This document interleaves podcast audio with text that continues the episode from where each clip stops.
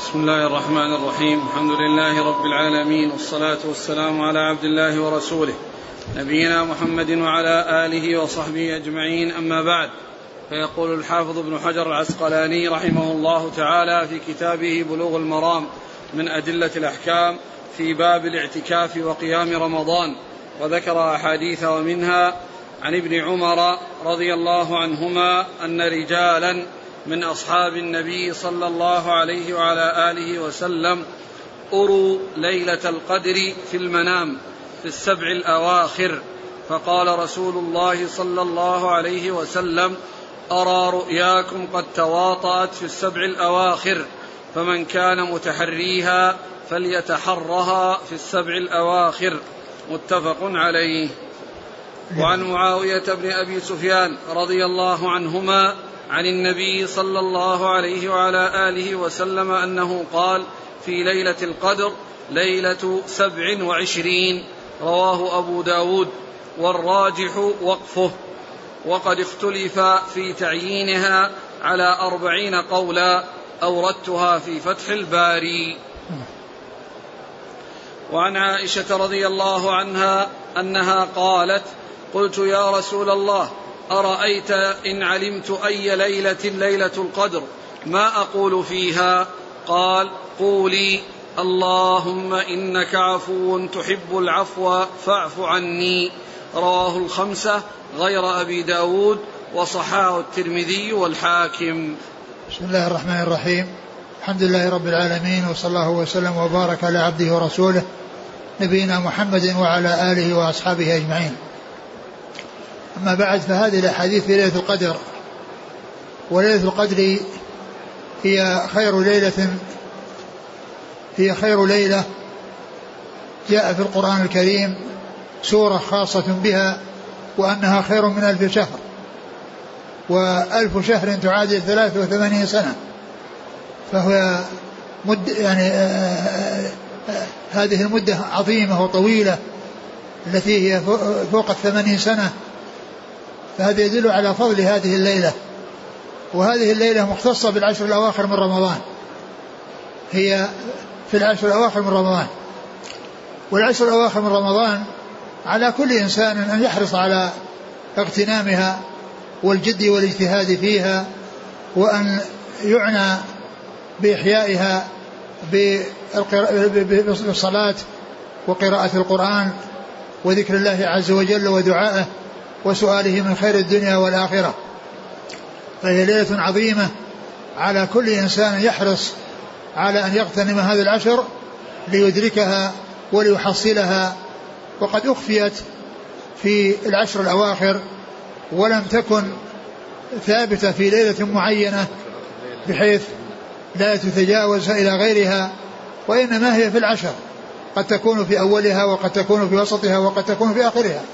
ولكن الإنسان إذا اشتغل في العشر الأواخر كلها من أولها إلى آخرها فإنه يدركها. وعليه أن يعنى فيها كلها من أولها إلى آخرها. وألا يكسل وألا يحرص على ليلة معينة ويترك الباقي وإنما يأتي بها وكلها عشرة أيام. عشر ليالي تنتهي. فالإنسان إذا رتب لنفسه أنه يجتهد من أولها إلى آخرها فإنه بذلك أخذ بالحزم والجد. وأما إذا تكاسل في هذه العشر وقد مضى رمض...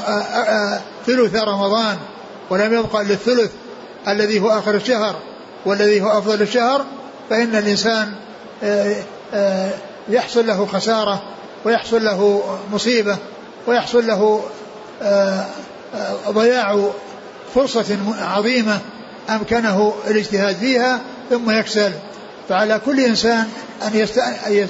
أن يستقبل هذه العشر بالجد والاجتهاد والمحافظة عليها وألا يتهاون في الصلاة فيها وفي قراءة القرآن وذكر الله عز وجل. ثم على الإنسان أن يحرص على أن يصلي في الصلوات مع الجماعة سواء كان في أول الليل أو في آخر الليل. سواء كان الصلاة في آخر الليل أو أول الليل يجمع بين هذا يصلي أول الليل وآخر الليل. والرسول عليه الصلاة والسلام كان يخص هذه العشر بمزيد عناية وبمزيد اهتمام.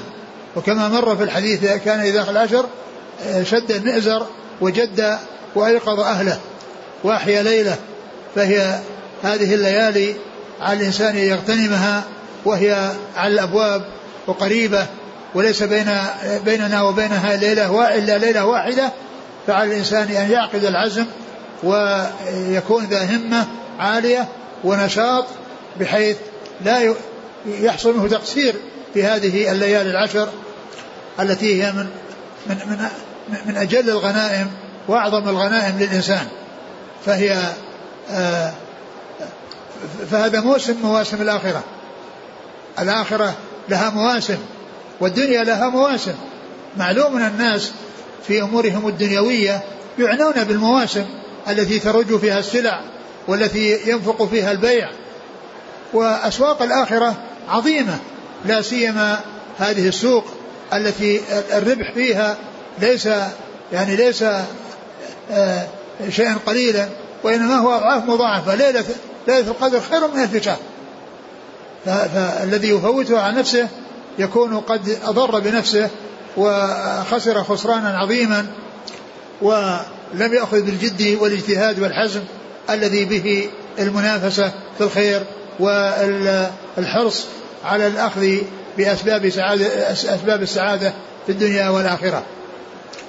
وهذه الليلة هي في العشر الأواخر من أولها إلى آخرها وهي غير ثابتة في ليلة معينة بل هي تتنقل ولكنها في الأوتار آكد وأرجى وكذلك في ليلة 27 أرجى ولكن الإنسان لا يجتهد في ليلة معينة ويترك بقية الليالي بل يجتهد في الليالي كلها وبذلك يكون أتى على ليلة القدر ويسأل الله عز وجل القبول والتوفيق وما فيه سعادة الدنيا وسعادة الآخرة. والرسول عليه الصلاة والسلام كان يعتكف في العشر الأواخر وكان يعتكف قبل ذلك في قبل العشر الأواخر ولكن لما علم أن ليلة القدر أنها في العشر الأواخر اعتكف عليه الصلاة والسلام وكان يعتكف العشر الأواخر ليشتغل بالعبادة ويشتغل بذكر الله عز وجل ودعائه ولأن الاعتكاف يكون فيه ملازمة المسجد وهو مشروع وهو مستحب ولا سيما في آه، الأيام العشر الأواخر من رمضان التي فيها ليلة, ليلة القدر. فعلى كل مسلم ناصح لنفسه أن يغتنم هذه الفرصة وأن يستقبل هذه الأيام بالجد والاجتهاد والنشاط وهي آخر الشهر فالذي فرط في عشرين أو قصر في عشرين يوما عليه أن يتدارك أن يتدارك في هذه الأيام العشر التي هي أفضل الشهر وخير الشهر والتي فيها ليلة ليلة القدر التي هي خير من ألف شهر. وكما قلت يعني هي في الآحاد بالأوتار آكد وفي ليلة 27 كذلك ولكن الإنسان لا يكون همه أن يجتهد في ليلة أو ليلتين أو ثلاث وإنما يجتهد في العشر الأواخر من رمضان. والرسول عليه الصلاة والسلام في الحديث الأول يعني قال لأصحابه أن جماعة أروا ليلة القدر يعني في المنام وكانوا متعددين فقال عليه الصلاة والسلام أرى رؤياكم تواطأت أرى رؤياكم قد تواطأت فالتمسوها في السبع الأواخر التمسوها في السبع الأواخر ولكنه آه، قد جاء في السنة أن ليلة القدر في زمنه صلى الله عليه وسلم في إحدى السنوات كانت في ليلة 21 كانت في ليلة 21 وهذا يدلنا على أنها متنقلة وأنها ليست مستقرة في ليلة معينة لأنها لو كانت مستقرة لكانت دائما وأبدا في ليلة 21 ولكنها وقعت في ليلة 21 وتقع في آه، يعني آه، غيرها من الليالي. والإنسان إذا اجتهد في العشر كلها فإنه يكون بذلك مدرك. وقد وأكثر ما يعني قاله العلماء فيما هو أرجى إنما هو ليلة 27 وقد جاء في ذلك هذا الحديث الذي اختلف في رفعه ووقفه ولكنه يدل على تأكدها في هذه الليلة لا ولا يعني أنها تكون بها دائما وأبدا لما ذكرته من وقوعها في ليلة 21 آه، كما ثبت في حديث أبي سعيد الخدري رضي الله عنه الذي جاء في الصحيحين. والإنسان يدعو في ليالي العشر كلها بالأدعية آه، المفيدة التي آه، جاءت في عن الرسول عليه الصلاة والسلام لأن الأدعية النبوية هي خير ما يدعى به. الإنسان يدعو بما يريد من خير الدنيا والآخرة ولكنه يحرص على الأدعية النبوية والأدعية الشرعية الثابتة عن رسول الله عليه الصلاة والسلام يحرص عليها لأن فيها لأن فيها آه، آه، الكمال لأنها من رسول الله عليه الصلاة والسلام ففيها الكمال وفيها السلامة من أي خلل فالحرص عليها مطلوب من كل مسلم ولا سيما هذا الحديث الذي جاء عن عائشة وقد سألته عن الدعاء في ليلة القدر فقال لها قولي اللهم إنك عفو تحب العفو فاعف عني. فهذا فيه توسل إلى الله عز وجل بأسمائه وصفاته بأن يعفو عنه. اللهم إنك عفو وهذا من أسماء الله تحب العفو وهذا من صفات الله أنه متصف بمحبة بمحبه وهو يحب العفو والمتوسل الذي يراد الوصول إليه هو المغفرة والعفو من الله عز وجل. اللهم إنك عفو تحب العفو فاعف عني. فيحرص الإنسان على هذا الدعاء ويكثر منه في جميع الليالي ليالي العشر ويحرص على الأدعية الأخرى النافعة المفيدة التي هي من كلام المصطفى ومن دعاء المصطفى الذي فيه الذي فيه السلامة وفيه وفيه العصمة. لأن كلام الرسول عليه الصلاة والسلام وأدعيته هي خير الدعاء. وخير الدعاء ما جاء في كتاب الله وسنة رسوله صلى الله عليه وسلم من الأدعية. فالإنسان يغتنم هذه الليالي ولا يتهاون ولا يكسل بل يشمر ويجد في الجد ويحصل في الجد والاجتهاد. وإذا تمكن من الاعتكاف فذلك يعني من الأمور المستحبة لأن الإنسان يعني يكون بذلك ملازم للمسجد. ولكن إذا وجد من الاعتكاف فلا يحصل فيه التشاغل بالقيل والقال والكلام والأخذ والرد ولا سيما إذا كان أيضا آه، يكون الكلام في أمر لا ينبغي بغيبة أو نميمة أو ما إلى ذلك فإن هذا من أسوأ ما يكون بأن يكون الإنسان يعتكف بلازم المسجد ثم يشتغل بالقيل والقال. وإنما يحرص على أن يكون منفردا وأن يكون مستقلا بنفسه يقرأ القرآن ويذكر الله عز وجل وهذه الأيام تنقضي بسرعة ولكن الموفق هو من اغتنمها وحرص عليها وجعلها تمر عليه وقد آه، فعل ما يستطيعه وما يقدر عليه من الجد والاجتهاد والإقبال على الله عز وجل سبحانه وتعالى.